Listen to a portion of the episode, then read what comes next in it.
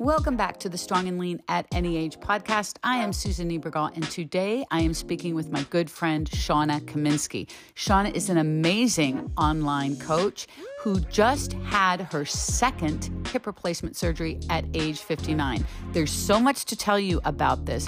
It's nothing like I would have expected, knowing what little I know about hip replacement surgery.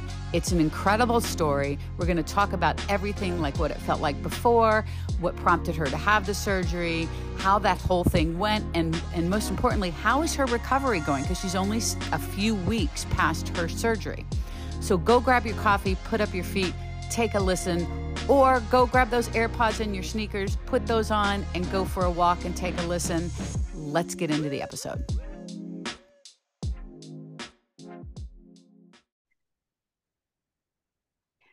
Hello, Shawna. How are you? Oh, Susan, it's like we're BFFs and we've not even met for reals yet. I, we, you know, okay. In, in, in fairness and transparency, we were just chatting off air, and um, and we were both commenting on how cool it is that because we're connected via the internet, that getting online, seeing each other, and just starting to talk is really normal. Yet we've never met in person.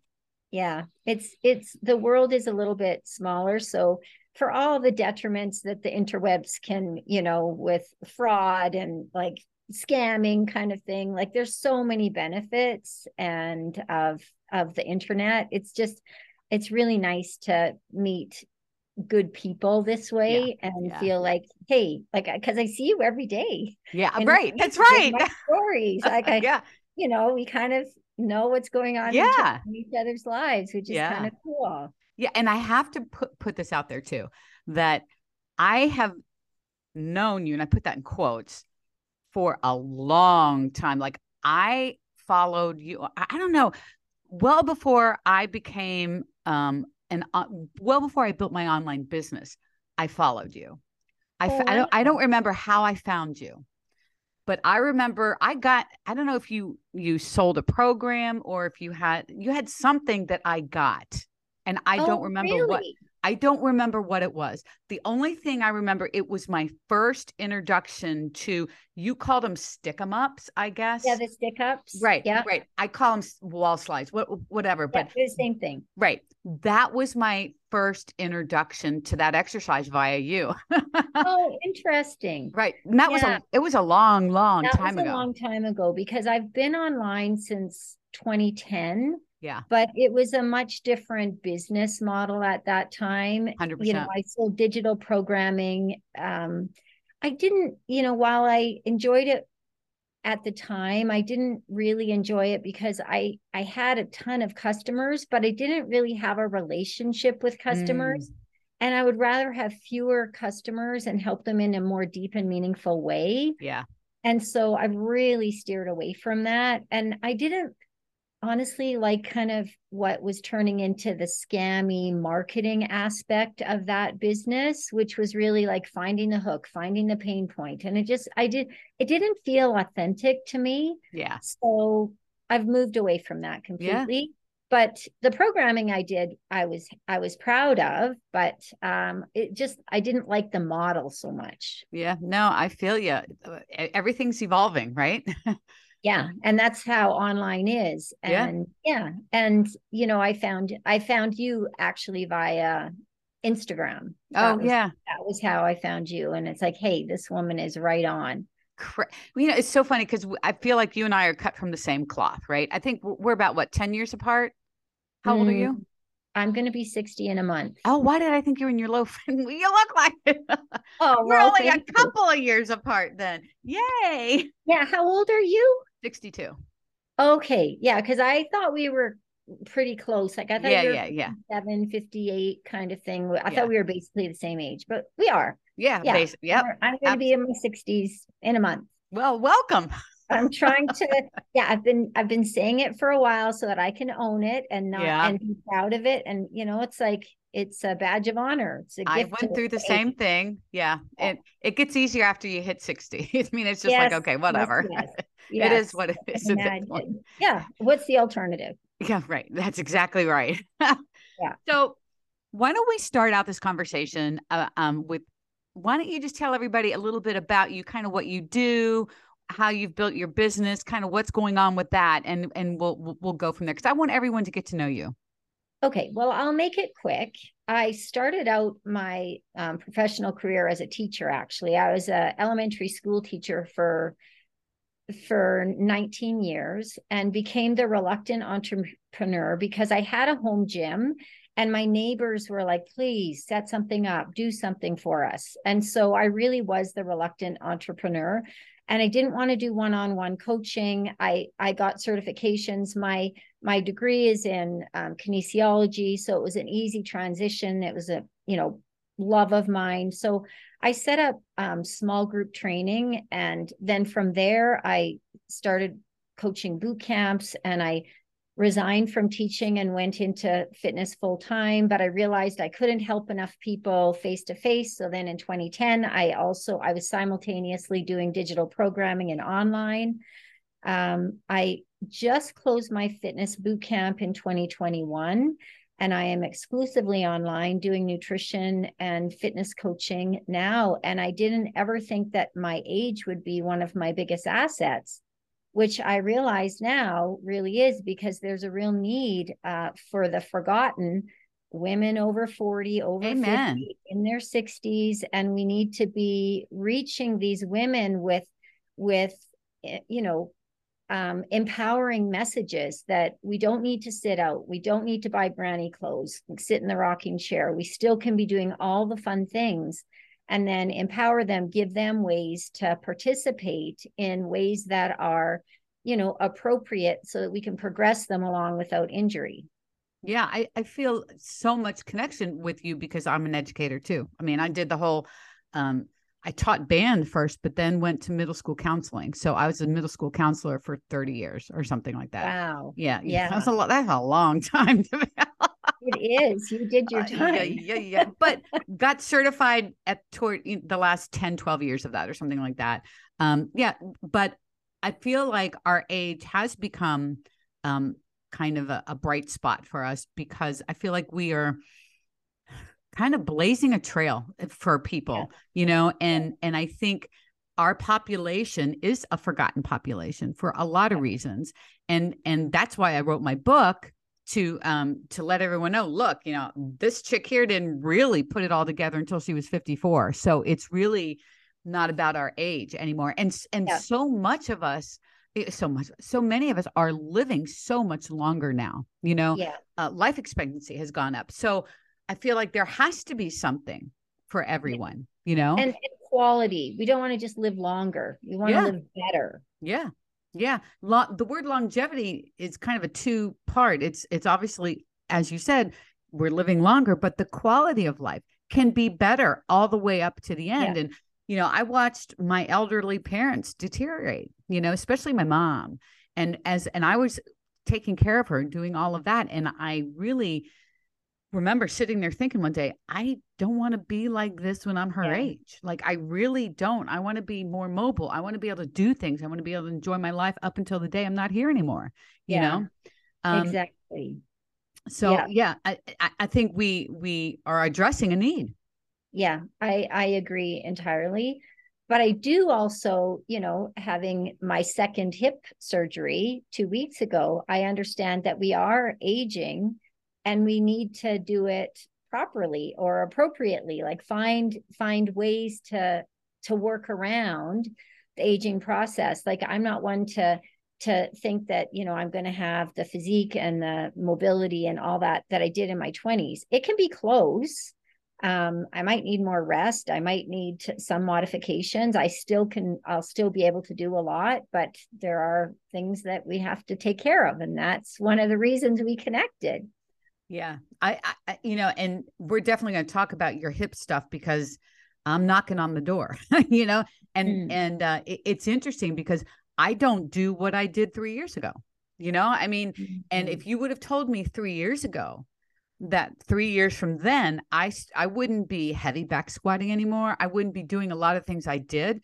I would have freaked out. I wouldn't have been able to wrap my head around that. And that's someone in her late 50s, you know?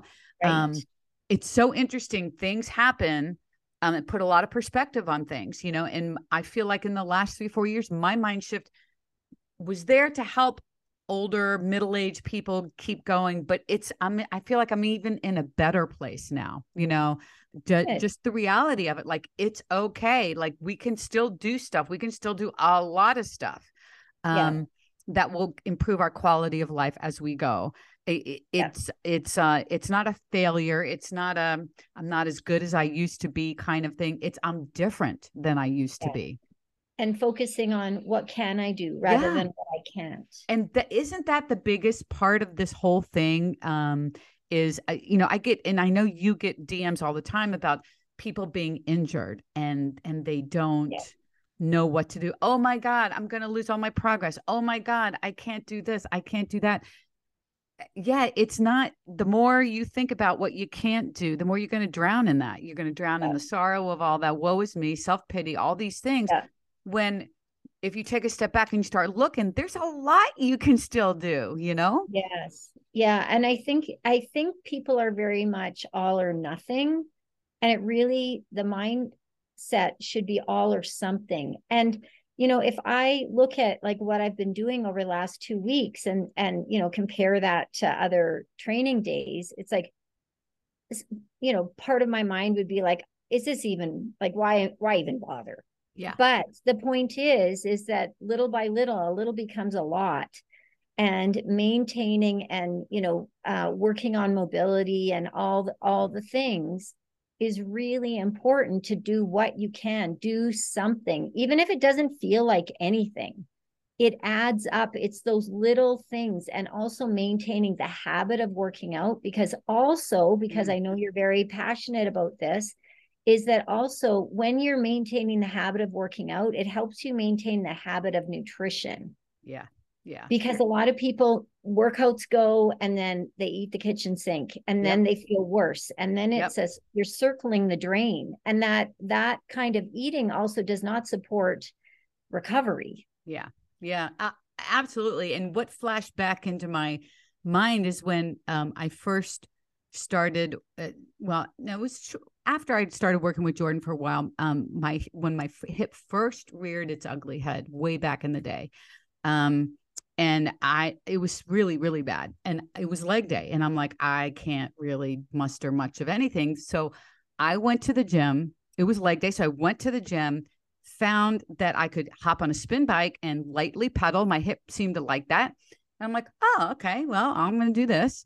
And I grabbed a band and I'm just doing band pull aparts while I'm pedaling lightly on the bike. That was leg day. And that was leg day for a couple weeks you know? But to your point I didn't miss a workout you know, it was that important mentally to keep yeah. your head in the game, right? I think that's the biggest problem. It's the yeah. injury itself is one problem, obviously. And on for most people, injuries are not major things. We'll talk about yours, which is a lot different, but um, for most people, it's you know you, you tweak something, something's pissed off at you, blah blah blah blah blah. You can work around that, and it's important not to drown in thinking of all the things I can't do today. you know, and find something you can do, or get support. If you don't know what you can do, yeah, there's likely someone that can help you with that. So find yeah. the person that resonates with you that is trustworthy, that maybe has had a similar experience. We've all had, you know, you know, the gift of aging is that the we're all going to have little tweaks because we're living active lives and even the best training um, regimen routine there's going to be oh i i twisted i you know i tweaked i overdid it i yep. didn't warm up enough Yep. And and those things happen, you know, even with the veterans. Yeah. So find something you can do or find someone that can direct you to keep you, you know, it doesn't have to be hand holding for the rest of your life, but kind of through these these seasons of potential like I'm going to be big on physio for the next little bit. Uh, because I'm not going to pretend to know it all. Yeah, for sure. I I feel like the the mantra is you can train around really anything. Yeah. But the issue is your training may not look like it did temporarily. Right. It may not look the same, right? cool. Okay. That's yeah. where I think people get hung up, right? It my leg day certainly didn't look like leg days I've done before that, right? But yeah. my leg day wasn't going to always look like that either, right? It was just yeah. that part in time where I had to do that. And pedaling was what made my hip feel good. I could spend time at the gym, I could be in the environment, feel like I was progressing and accomplishing and as I yeah. went on my schedule, I was able to do more and more and more and more and more. Yeah. You know? Yeah, that's it's, great. It's such a mental game being injured. It is. It is. And changing your mindset to all or something, what can I do? Might not be much, accepting less, and understanding that this is just a season, probably not uh, you know, like a death sentence. Yeah. Like hopefully for most people. Like for yeah. these small injuries, you and even like for a like a major joint replacement, like I experienced, it's still it's still a season. Mm-hmm that you know and the time's going to pass anyway so why don't i use it productively so that my tomorrows are going to i'm going to be able to do more of the things i love yeah 100% um so let's talk about the hip replacement. You are how far out of your last surgery? So i had my first surgery august 20th of 21 and i had been it didn't even dawn on me that hip replacement was like, you know, that that was even possible because probably for about eight months, I had been starting to experience increasing hip pain in my right, but it was so, it was very, uh, it wasn't concentrated in one area. So I tried chiro and dry needling and acupuncture, and like I tried all the things. Mm-hmm. And what I found was just decreasing strength and mobility. And finally, I, I just went to my doctor and said, like, maybe we just need to x ray. And it was just apparent right away. And he said, look, you're, um, you know, you're going to have to have both hips done, but you're right in particular is just very bone on bone. And I wouldn't say that I was experiencing like debilitating pain. The pain I was experiencing was pain for training, which for me, having to modify and continue to modify training was very discouraging. Mm-hmm. And I was just continually looking for answers because I did not want to accept that I just would not be able to do certain things. I thought I I I I do understand that as we age we're going to, you know, have decreased flexibility and like there are certain things that I know I have to accept but I knew that the, I just knew in my gut there was something more going on. Yeah. So um, I live in Canada in in Alberta. If I that was kind of coming out of COVID, wait times were three to five years. And so um, as soon as I found out that it was hip replacement that I needed, I booked it privately. And I'm very i know that's not within the means of some people but i was lucky that i have a rainy day fund and to me that is raining. That is money yes. well spent. Yeah. So so I, let me ask you this what was the diagnosis? It's just um you know in an is it arthritic? No it's just that there's there's very little room in the acetabulum uh-huh femur uh-huh. and so there's it just gets gr- grinding bone on bone. So you can tell this in an x-ray. I don't have the trained eye to do so but my surgeon my doctor could see that oh wow like there is no space between the like there should be a healthy space between like the femur and the the hip joint. And you can just see that it was just bone on bone in several mm. places. And they could see that degeneration also on the left and I do want to point out because, you know, as a champion of weight training, as you are, this was not caused by weight training. Glad you mentioned that. It was not caused by that.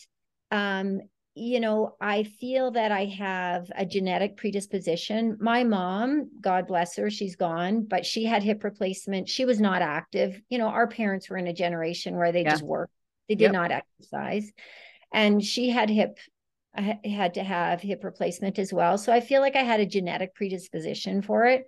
Did I work myself like to the bone well possibly maybe like my mom probably had hers done in her 60s so maybe mine went a bit faster because i wore them used them a lot more oh mm. it, it was definitely not from weight training. Mhm. you know i'm i'm like you i'm a lighter person. I've not done a lot of impact uh so you know I'm, i've not been a runner where you know that would really cause a lot more jarring. So i feel like there was a little bit of a genetic predisposition especially when it's both hips. Yeah. And my daughter does have some hip issues as well so sorry hannah. Yeah. So blame your mom for that. Yeah. Yeah um yeah so i i just booked it right away. And so you were that was back in august of 2021 correct. And yeah. so you booked the first hip replacement? Correct. Yeah. and when did and when did you have that one? Well that was so it had been from about end of november till august where i first started noticing hip pain and Mm. and started seeking solutions and then august 20th of 2021 i had the hip replacement got it got it Yeah. and and that was which hip that was my right mm-hmm. and um, recovery was remarkably fast wow even though I had, you know, probably what is that, six, eight months of possible degeneration, loss of strength, loss of mobility. Like I really had lost mobility. And I had lost, I was losing a lot of weight. Like I had lost a lot of muscle in my legs. Um, I'm not a big person. I could see like a lot of atrophy mm-hmm. so even with you know that kind of act- atrophy i recovered quite quickly however like a lot of people wait two three four five years until they're almost completely immobile and that might be because of opportunity that they don't have the chance to get it done sooner or just i'm putting it off. So my you know suggestion is to you know recovery will be much faster with earlier intervention and mm-hmm. and enter my left hip which december of 22 so just over a year later i i had not been feeling my left hip at all and then and then early december of 22 i just started feeling it and i thought there it is. You know that feeling. Yes, this one was very uh, localized to the front of the hip, and then when I I got a repeated X-ray, I could we could really see degeneration in one particular area, and I knew the ending to the story. I could wait, you know, a couple months, couple years, and continue to uh, lose muscle strength and mobility, and then have surgery. Quality of life for me in particular, or I could just I was at a pain level one. I was fully functional. I'm yeah I was lifting. I was doing all the things, full mobility, and I just pulled the trigger. wow And and my recovery is remarkable. I had actually even been getting physio for about 3 or 4 months prior with the hope that I could put off the surgery just by activating the glute, getting the femur more um, localized so it wasn't hitting, you know, bone on bone and just correcting movement patterns, which I don't regret because it really, you know, most of us are lazy asses and we pardon my French, but we, you know, we don't know how to activate glutes. And Yeah. so that was one of the problems with not problems, but you know, limiting factors on recovery is like getting the glute to fire again. Well, this one is didn't completely go to sleep. So recovery is so much faster. I'm walking Mm. I'm walking without assistance, doing stairs, you know, alternating feet. Um, like I'm doing four or five thousand steps. Abduction is remarkable. Squat to almost full 90 degrees already. and this is after you had the surgery a couple weeks ago I had it February 7th, so I'm on day 15. wow that's phenomenal It is, and it's not it's not me. It's there's a couple factors. Number one, it was the anterior approach, which so no muscles or bones are or no muscles or tendons are disturbed. Mhm. I mean, it's jacked up and angry. I'm Yeah, up about yeah. four pounds. My hip feels like, you know, it's swollen and it's like, you know, I've got It's pissed off. Yeah. is, but like I'm literally on, I'm on very little pain. I'm on uh, something called gabapentin, which is Oh, um, yeah, I know. hmm and more for nerves. Mhm. And yeah, but literally no pain, nothing more than Tylenol, um, ibuprofen after the procedure. So the procedure, like 80 year olds walk the same day. So, but I think the um what's helped is my prehab Mm. that's helped the recovery going into it because my mind was i'm not i'm not as strong or young as i am right now i'm going to recover much faster if i pull the trigger now Yeah. rather than wait until you know a year or two i've lost strength and mobility and then it's a longer road back You know, it's interesting because I had this very discussion with my sports ortho when this first came out because my Yeah. situation um, is arthritic. And on an x ray, you can see the cloud, the cloudy part of the x ray at the Yeah. joint. Um, and how that they want me to come back in for another one to see if how far down it's gone, all Yeah. that the comparison. But I Yeah. also have, as a result of the arthritis, a bone spur, which is a normal kind of occurrence.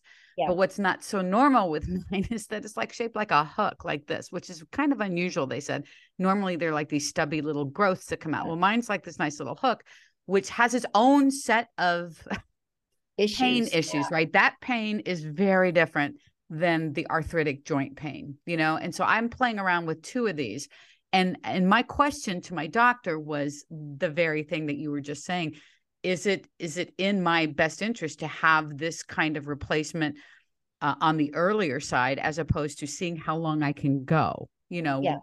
and and he said, you know, there he he did the back and yeah. forth, back and forth. He gave me the back and forth, which I I, I understand. I mean, Yeah. um, but what I'm understanding also is that the technology with the replacement hip is so good that It the- it used to be the fear of you may have to get it again um, on how they used to do hip replacements, but I guess it's a newfangled something something. Um, Well, is that what you are yeah. to know? I asked my surgeon, uh, you know, how long can I expect this to last? And he said, well, you know, the benefit of both of us is that we're smaller people. We Mhm. don't do a lot of impact stuff. Right. He said, probably 25 years. Mm, And so, and he said, honestly, we don't know entirely because it is a newer procedure, but based on what we know from the previous titanium hips and um, the new, like there's a ceramic cup. So the, the, the, in a nutshell, what they do is they have, there's a slice about this big in the front of my hip. They pull out the head of the femur, chop it off, put in a titanium prosthesis, put in a metal cup in the acetabulum. I think that's what it's called. mhm. And then a ceramic cup inside that so that the it's floating around in that. And so the the inside the ceramic is a new polymer that's much stronger than it was before. And previous to this new polymer, uh, the hips were lasting 10, 15 years. yeah. And now they're predicting 25 to but they're so new, they haven't seen the full life of it yet. right but testing on the polymer or the or the um you know the the materials Right. would indicate this Yeah, longer yeah. lifespan It, maybe it's even longer. Who knows? Correct. And so my feeling was that i'm not trading my 60 year old life for what my 80 what i might have to deal with when i'm 80 Mm, because my quality of life now like here's another thing that i looked at is i looked at i lost the summer of 21 to the be- the- all the beautiful things that like my partner and like i like to do is like hiking biking you know all the outdoor things in addition to my training and i thought you know i don't want to miss more summers and Yeah.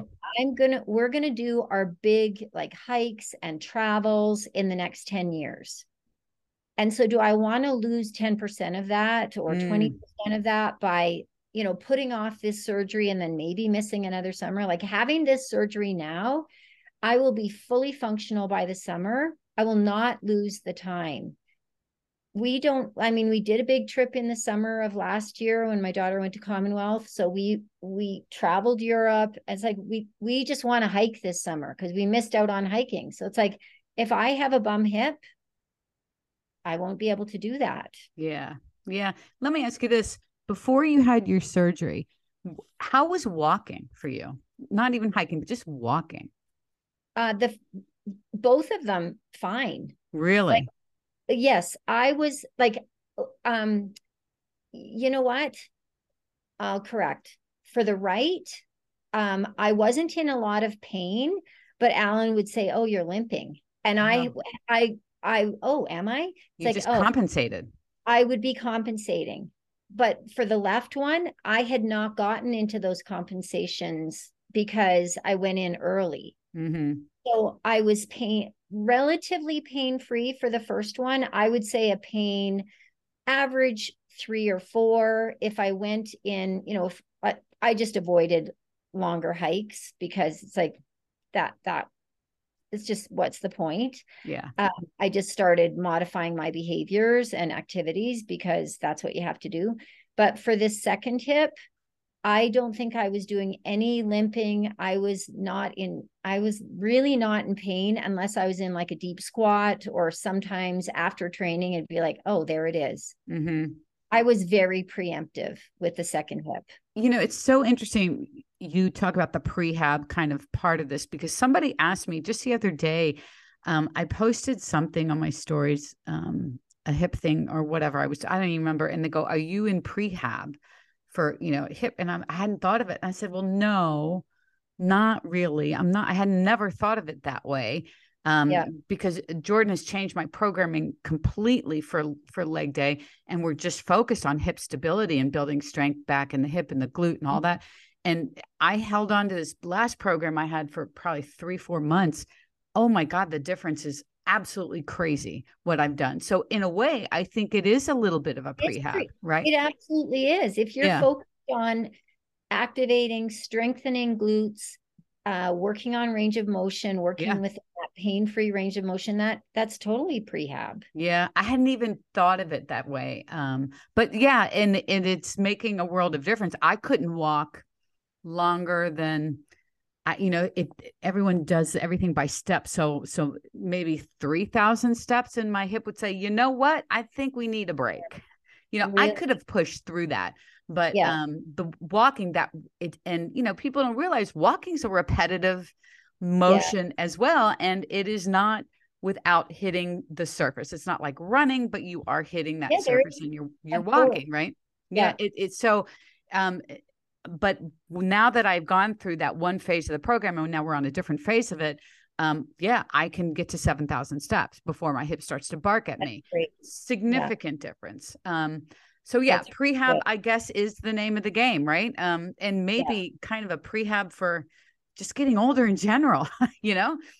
Yeah. Well, you know, a lot of people, you know, I'm I'm always talk talking about when, you know, clients say, Well, I can't squat and I'll say, Well, do you want to be able to use the toilet unassisted? Yeah. Because you're squatting. Like yeah. every, you have to be able to do some sitting, standing unassisted. So you don't necessarily have to squat with a bar on your back, but Mm-mm. you have to do, you know, if you want to be functional, there are specific things that you need to do over time so that you don't need to have those rails eh, put in your bathroom.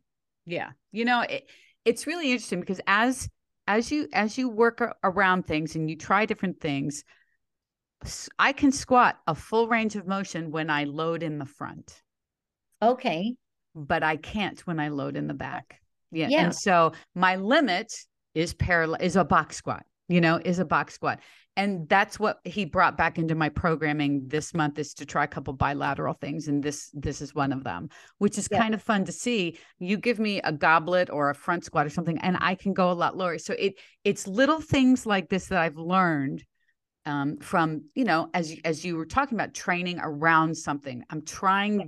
different things to see what works what doesn't. And there's some things that are a definite no you yeah. know squatting heavy with a bar on my back anymore is is a not a it's yeah. something that that ship has sailed you know goodbye but you're still squatting right that's 100%. what's important. I mean, yes. you know, there's some movements that maybe you don't necessarily need to do, right. but the the you know functional movements that we do every day, we need to find a way to to work around that to be yeah. able to continue rather than to just throw in the towel on those and say no.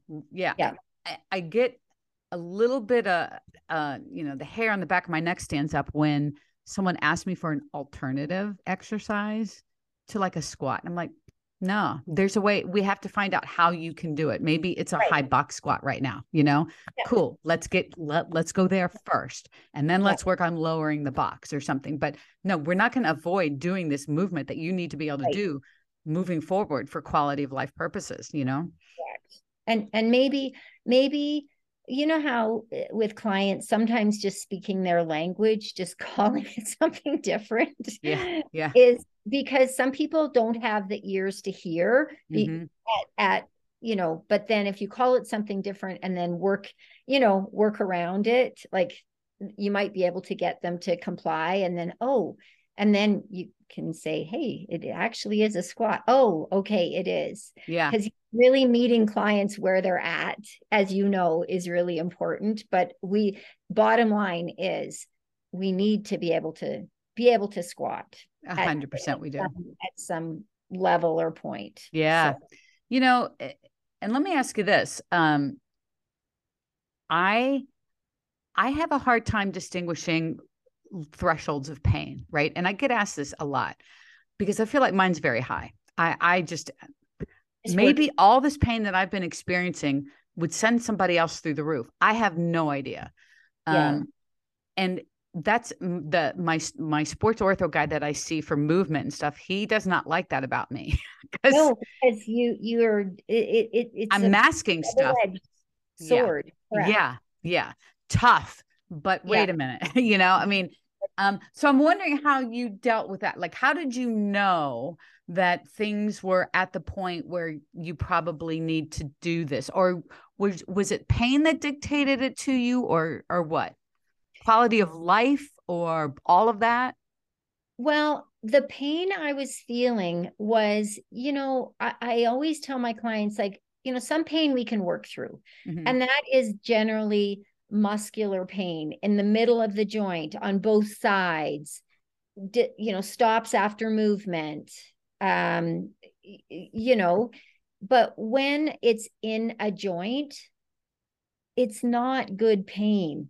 There's nothing good about joint pain because you know i early on i had one of my knees scoped and i was awake for the procedure because I, I i, like that. And my surgeon said hey i want you to wait be awake. I want you to see what's going on here.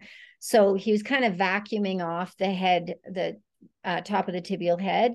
And he said, when you feel pain in this joint, like, cause there was just like, it was just all rough and, you know, um, he, he said, when you feel pain in this joint, know that that pain is, that is not constructive pain.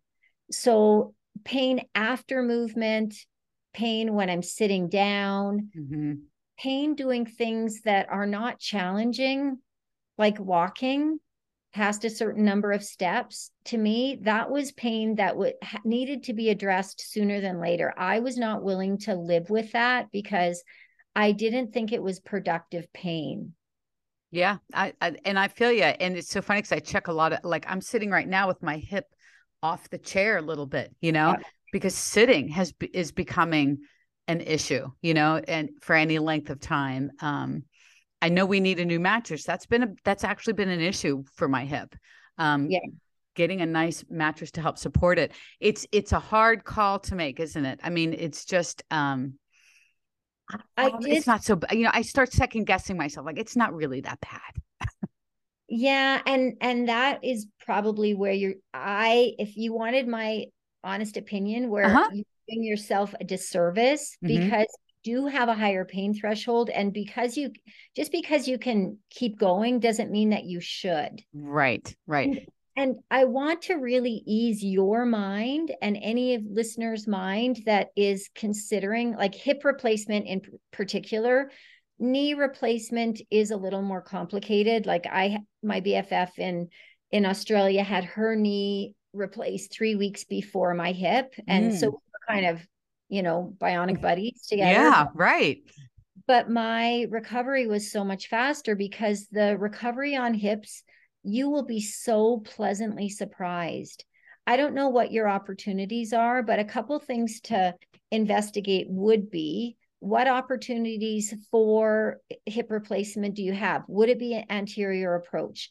If they're doing the posterior approach, there is, I did some research because I have a client that's actually having her hip replaced tomorrow. Mm. I'm like mm. the pipe piper of the of the broken hips. Yes, now. you are.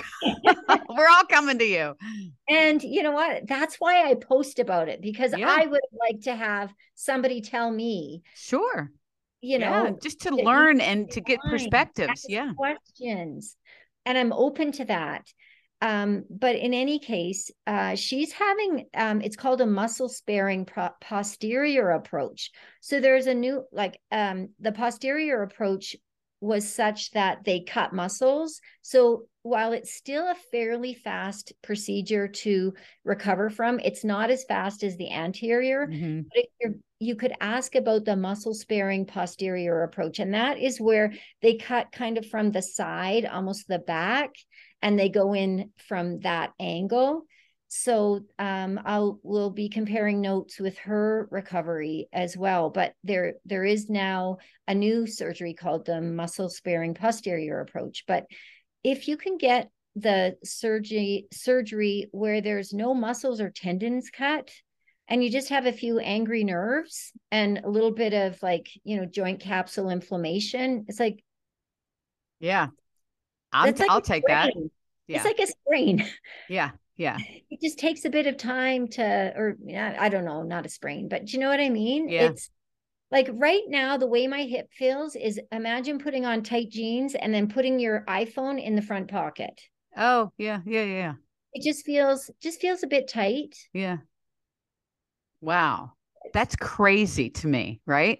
Medical technology. And that's why I also pulled the trigger early because by the time I'm 80 or 85, when I need these addressed again, because I'm still going to be Olympic lifting then, I'm still going to be doing all the things because right. I'll be competing. Still, the the the field narrows. there you go.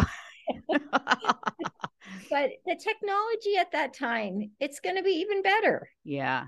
Yeah. I it, it, this really puts a lot of things in perspective for me, and I'm due to go back to have a consult with my sports ortho guy. So I, I will take this as my little push to do just that and get a get get another. I'm, I'm going to be I'm going to be nudging you. Nudge me. Keep nudging me because yeah, it's so funny. Yeah, uh, sitting doesn't feel great most of the time, but you know, here's the weird thing with mine and I'm trying to, and, may, and maybe you would know a reason why this is.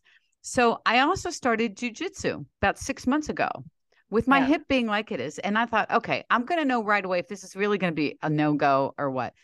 And it's actually been wonderful for my hip. I don't feel it at all when I'm there. When I first walk in, I do. I'm I feel like the tin man. I need the oil can. Yeah. And once I get moving and da, da, da, do all my little things, Okay. Then and then I get going into jujitsu drilling and stuff. My hip feels great when it feels better when I walk out the door than when I walk in the door. Um, and so uh, the, what what comes into my head with that is I I mean I'm not in these dog fights. I'm I'm a beginner, right? So I'm not like going eh, super heavy yeah. duty. So that's part of it. But I'm also able to take my hip through some different ranges of motion, and I feel like that's been a huge plus yeah. Um, it's been kind of in a semi-controlled way. I don't know how else to explain why this is not killing me you know because it really on the surface you think you're doing jujitsu with a bad hip? Yeah and i don't know why. I mean i don't yeah i i i can't explain it a lot because i don't i've never done jujitsu so i don't i mean i've watched it. Right. But I, I don't know the mechanics of why it would be working or not working for you um, but I, I would like you to just sit with the concept of having downtime for three to four months and and it's not it's not complete downtime because right. i'm already training at two weeks it's just different training right Right. And when my hip flared up in December, I had I, I don't want to say I have bad days, but that was like a I that was a, a a dark day for me because I had to wrap my head around it. I was just resisting. It's like I don't want to do this. I've got Yeah. this coming up and this coming up and this coming up. And I just did not want to miss out on the fun. And then the logic started creeping in and over time it's just like okay, you know, it's gonna it's pay me now or pay me later. Like there's always going to be fun events that you want to do. Like I'm Yeah. a, I like competition. I like doing events. You know, I'm swimming with a masters team. We've got we've got um, events coming up that I can't get in a pool just because of the incision for six weeks. So it's like, ugh, I'm really missing that training, but I'm going to have to miss it at some point. Yeah, sure. And I just I leaned into it, and it's just like, no, I I I'm just going to get it over with. Yeah, I mean, great call. And and and what I really feel w- with your case is is so inspiring too is how you are not letting being injured stop you right from from doing i mean you're injured right now. You had some you had a major surgery a hip replacement it's pretty major. Um but yet you're still working out right? Just looks different right now because you're doing a different kind of workout right now to get your hip back and going. Um and you're not allowing that to be an excuse to do uh, to to go downhill maybe nutritionally or anything like that and and i think we ought to address that because i feel like the people do that they get injured and now it's a justification for eating whatever the hell i want because i'm Yeah. so pissed off right Yeah. um and and then they compound this scenario Oh yeah. And I just look at it as like, wow, my nutrition is an is an opportunity for me to address uh, inflammation, to like my nutrition is actually better now going into surgery, after surgery, just because I know that that I have to control what I can. And yeah I can control what I eat. Yes, I, I was thinking that too. You have control over that. You Yeah. know, you don't have control over how long this is going to take to heal, and but you know, you're going to do your best that you can to make that go by fast. But it's not fully in your control. You have a lot to do with it, but it's not 100% in your control. But your nutrition still is mm, in your My- control. My sleep is in my control. Yeah, my stress, my attitude towards it is in my control. So Yeah. those are the things that, you know, so I I I mean, I guess I'm a cup half full type of person. I do wake up with a, you know, looking forward to the day and a happy Mhm. disposition. I just feel fortunate that that's my natural way. Um, I know that you know, not everybody is wired that way. So I, but even if you're not wired that way, just make a list of the things you can do. And, you know, these are the things that I can do to progress my hip.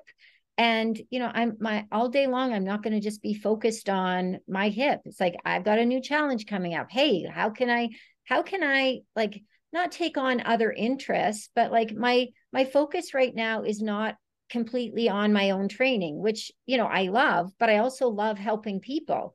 So it's Mhm. like, you know what? I, I let, let's do a new challenge. Let's, you know, let me let me get excited about something a little bit different yeah. While I continue to rehab this so that then I can get back to all the things that I love. I think it's really, really great to hear uh, for, for people, especially who have been fighting to lose weight for so many decades. You know, uh, Yeah. I mean, with all the craziness that, that we all went through growing up, um, and people that have struggled legitimately for most of their lives trying to lose weight, and they finally get to a place where they they feel like they're in a groove they they feel good about where they are all those kinds of things and then something happens. Whether it's as major as what you have or even something even less than it is yeah it is it is tough. It's scary. And I, I you know let's put it out there. I feel for i feel for i feel that. And and i feel like when this happens with me i will feel scared. I will still have that feeling on the inside. I don't oh, think Oh, that's ep- i don't think that's ever going to go away right but i think the difference there is it's okay to feel it and, Yeah. and process it but then you got to stop allowing that feeling to dictate what you do Your actions. Yeah. Yeah. My weight is up four pounds. like I feel inexplicably, oh, I guess the joint replacement probably played into it. That's it. I know that that like my head knows that, but right. still I'm kind of like panicking to be like, and I know it's only four pounds, but like four pounds, what if it's five? What if it like it starts with one? Yes. And then it's 10. Yeah. So it's like I want to be on top of it. So while I'm, you know, I'm trying to quell that, like, don't panic and i am not re- restricting eating. I'm just focusing on quality food because i know my body needs energy to to heal. Yes. And i know that i you know i i'm looking at you know my protein like i'm looking at my macros. I'm making good choices. So there's no way that i've gained four pounds like i'm talking to myself as if i was the client. Yes. Yeah. Oh 100% yeah.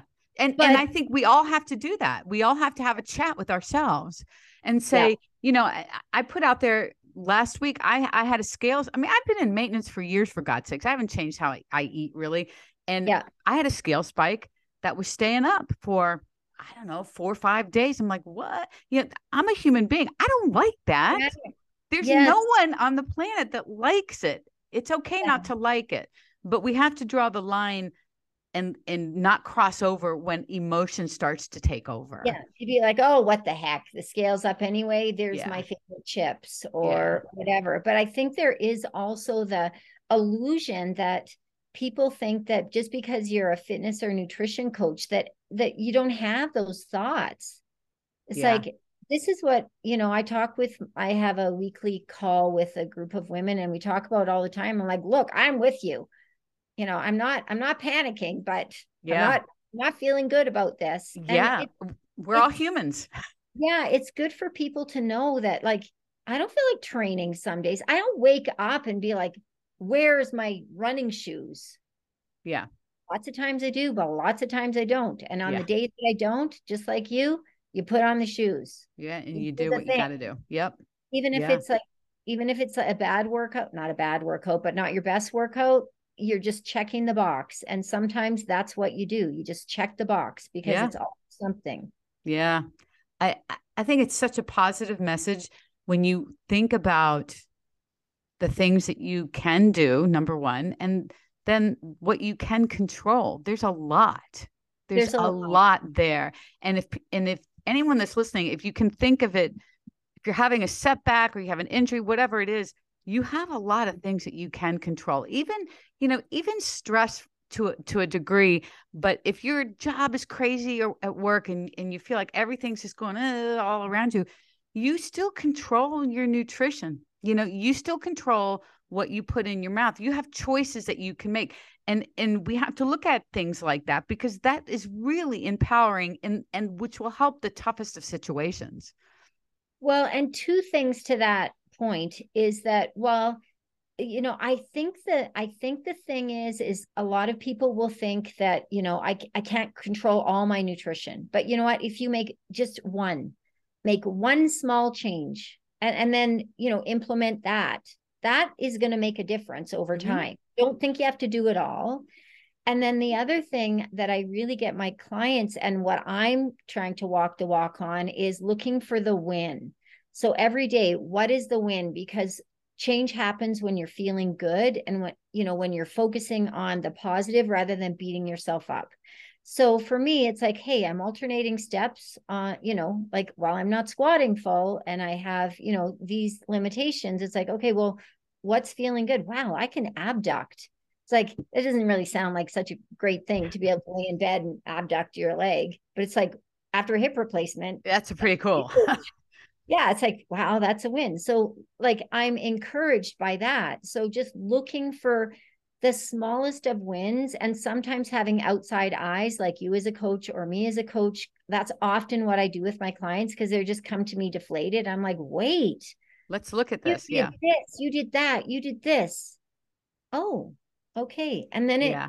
kind of gets the ball rolling in that more positive spin rather than the, you know, circling the drain sometimes it's hard for us to see our own progress in in, exactly. in in situations and so it does help to have even a friend whoever just point out and and and yeah. all the little things and, and, they all add up like you said Um, and it can make a big difference in how we, you know, how we move forward with an injury and, and how we can keep going. You know, people seem amazed. I tell them whenever I've had I've had a shoulder issue before, um, in the in the hip, but I have never missed training. And they're like, "What?" So, yeah. But you don't understand. Yeah. I don't miss a day, but my days might look different. Like I can't walk in and do what I had on my program for today. Okay, I'm going to do something that my hip's going to allow me to do. Yeah. Yeah, exactly. It's it's really important to maintain that habit. Yeah. Mindset, lifestyle, and you know we're walking the walk as you know that's I, feel like i'm authentic with my messaging that i'm putting out there but i think it's also like i feel like my clients hold me accountable like if i'm sit like i don't want to sit on the couch and think woe is me because i would not want that to be an example for my clients like I want to be an example for them. Like they're holding me accountable as much as I'm holding them accountable. Yeah, I love that. I absolutely love that. That's a great place to put a bow on this. Yeah, this has been such so a great conversation. I have learned so much from you about this. And yeah, I have, I feel my nudge. So I okay. have my marching orders, which I will definitely pursue that con- that second consult with him and and kind of get a feel for where I'm at for sure. But can you tell everyone where they can find you out there on the internet world? Well, probably, you know, Shawna K dot com is my blog and instagram is where you know i post either uh, in a reel or stories daily and then also on youtube as okay. well. Um, i'm starting to you know kind of get back into youtube. I've had a youtube channel for like 12 years so there's some really bad stuff on there. But I just started you know it's so funny. i've had a, a, little bit of a youtube hiatus. I might be kind of working my way back over to you. I've had a lot of requests to kind of get back yeah. over there so who knows you know you never know yeah but instagram is a great place to start i mean that's where we met uh, and you know i i often repost lots of my instagram content if someone is not on instagram at shawna k shawna like s-h-a-w-n-a letter k dot com. Uh, that's where I post a lot of things as well. And I have just so enjoyed talking to you, Susan. Like I said, I I felt like I've known you. I know. That's what's so cool. That's what's yeah. so cool about this. Well, thank you. This has been wonderful. I will put all of that in the show notes too, so people have okay. that handy. So thank and- you so much. And we will uh, talk soon.